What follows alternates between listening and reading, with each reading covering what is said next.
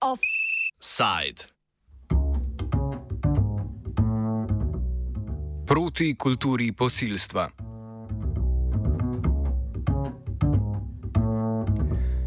Predokrožno sodišče v Ljubljani so opravičevalci posilstva za danes pozivali k protestu podporo štirim polnoletnim in enemu mladoletnemu moškemu, ki so marca 2020 posilili mladoletno dekle. Glavni obtoženec iz Peterice je v sodnem procesu zaradi še enega spolnega napada nad drugo mladoletnico. Protest so prijavili tudi policiji, kar je razvidno iz objave na portalu e-uprava. Okoli prve popodanske so se v Miklošičevem parku zato zbrale nasprotnice napovedanega protesta, ki so v skupni izjavi za javnost protest v podporo domžalski peterici označile za del kulture posilstva, ki odgovornost za nasilje prelaga z povzročiteljev na preživele.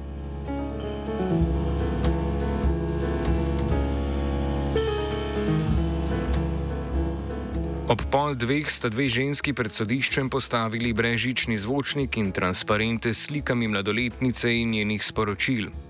Protest se je začel s predvajanjem zvočnega posnetka, med drugim posnetka mladoletnice, ki je opisovala svoj strah pred prijavo posilstva policiji. Protesta v podporo Peterici sta se udeležili dve starejši in ena mlajša ženska. Shoda proti protestu pa se je udeležilo okoli 100 ljudi. Policijo je malo številčnost ali neobstoj napovedanega protesta zmedla do te, do te mere, da so pristopili do udeležencev shoda proti kulturi posilstva ter jim zagotovili varno izvedbo prijavljenega protesta. Po treh urah so se protestnice v podporo Peterici umaknile z prizorišča.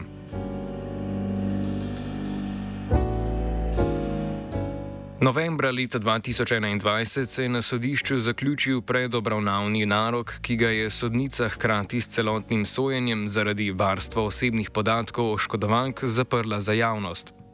12. maja se bo posiljevalcem iztekel priporni rok, če se sodišče, ki je primer obravnavalo prav danes, ne bo odločilo drugače. Zaprtje sodnega procesa pred javnostjo se je zgodilo po začetku procesa. Na družbenih omrežjih in na spletnem blogu nekdanjega pisca Nove 24 Luke Perša pa se tako dve leti širijo objave o posilstvu, v katerih podporniki tako imenovane domžalske peterice ponosno razkrivajo osebne podatke in informacije o življenju mladoletne žrtve posilstva. Cilje objav nista le preusmerjanje pozornosti in kar neposredno zanikanje dejstva posilstva, ampak predvsem ustvarjanje sovraštva proti žrtvi, ki reproducira mizogino kulturo posilstva. Civilna družba se je danes zbrala, da bi to vrgli v smeti.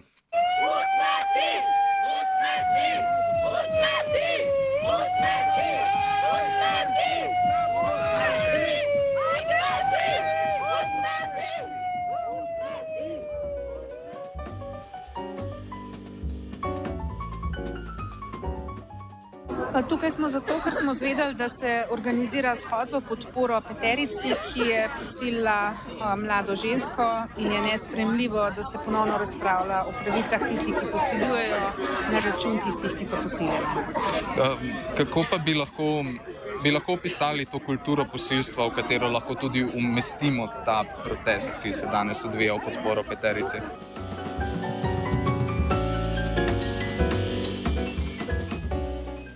Mislim, začne se zgodaj z normalizacijo vseh dejanj, ki so nasilna, zlasti do deklic in žensk, ampak tudi do dečkov in fantov, in se nadaljuje skozi celo življenje, tako da se uh, krivdo in odgovornost za spolno nasilje prelaga na nje, da se njih krivi, da izzivajo posiljevalce, uh, da se vedejo na nek način neprimerno, da si morda to celo zaslužijo in prav to se dogaja tudi v tem primeru.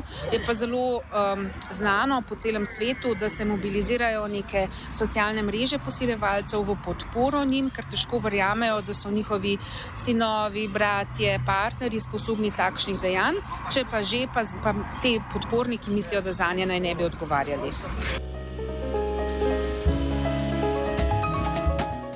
Luka Perš je na svoj spletni blog prava.si objavil štiri zapise, v katerih je mladoletno žrtev posilstva obtožil ponarejanja dejstev o zločinu in jo cinično poimenoval za domžalsko lolito. Na družbenem omrežju TikTok dve leti deluje profil, ki objavlja sporočila in osebne podatke mladoletne žrtve z namenom preložitve krivde za posilstvo na žrtev. V enem od člankov naprava Picasso je predložen uradni zaznamek, ki opisuje, kako je eden od prijateljev Peterice prišel k žrtvi na pogovor in jo spraševal, zakaj je privolila v druženje z moškimi, ki so jo tisto noč spolno zlorabili.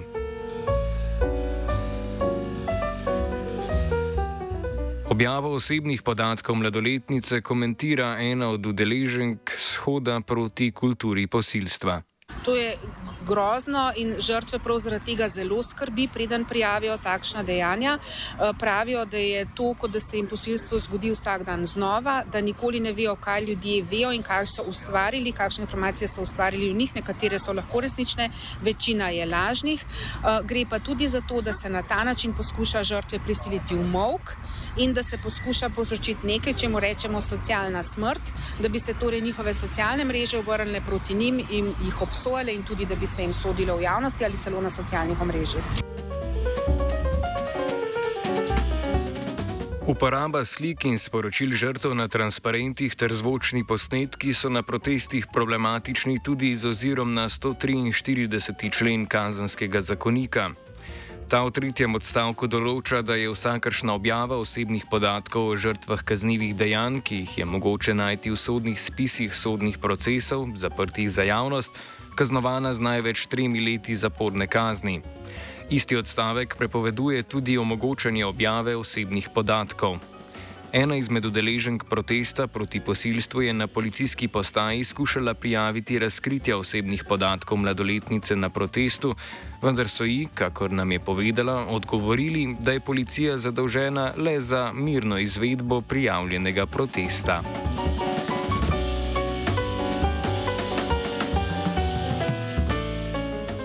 Kultura posilstva in prelaganja krivde storilcev na žrtve je že ustaljen pojav. Offside zaključi sogovorka z protesta. Ja, jaz mislim, da je to nekako podobno kot danes. Ne?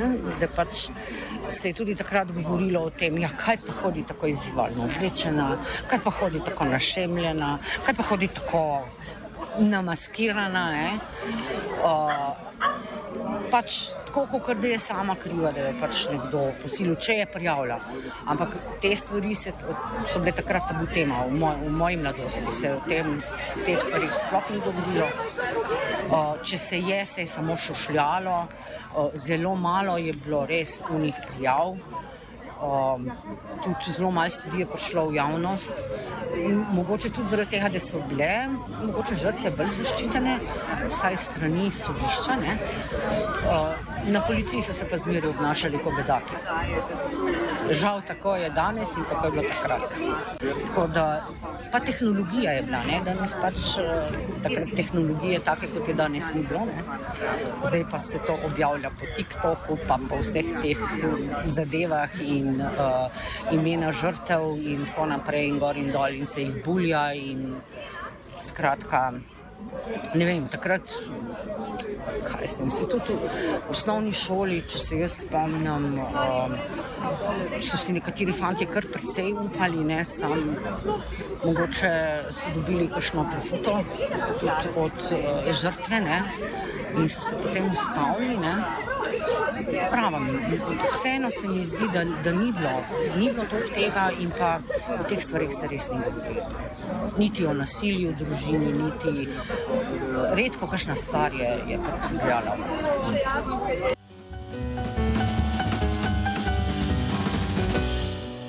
Offside je pripravil Jan.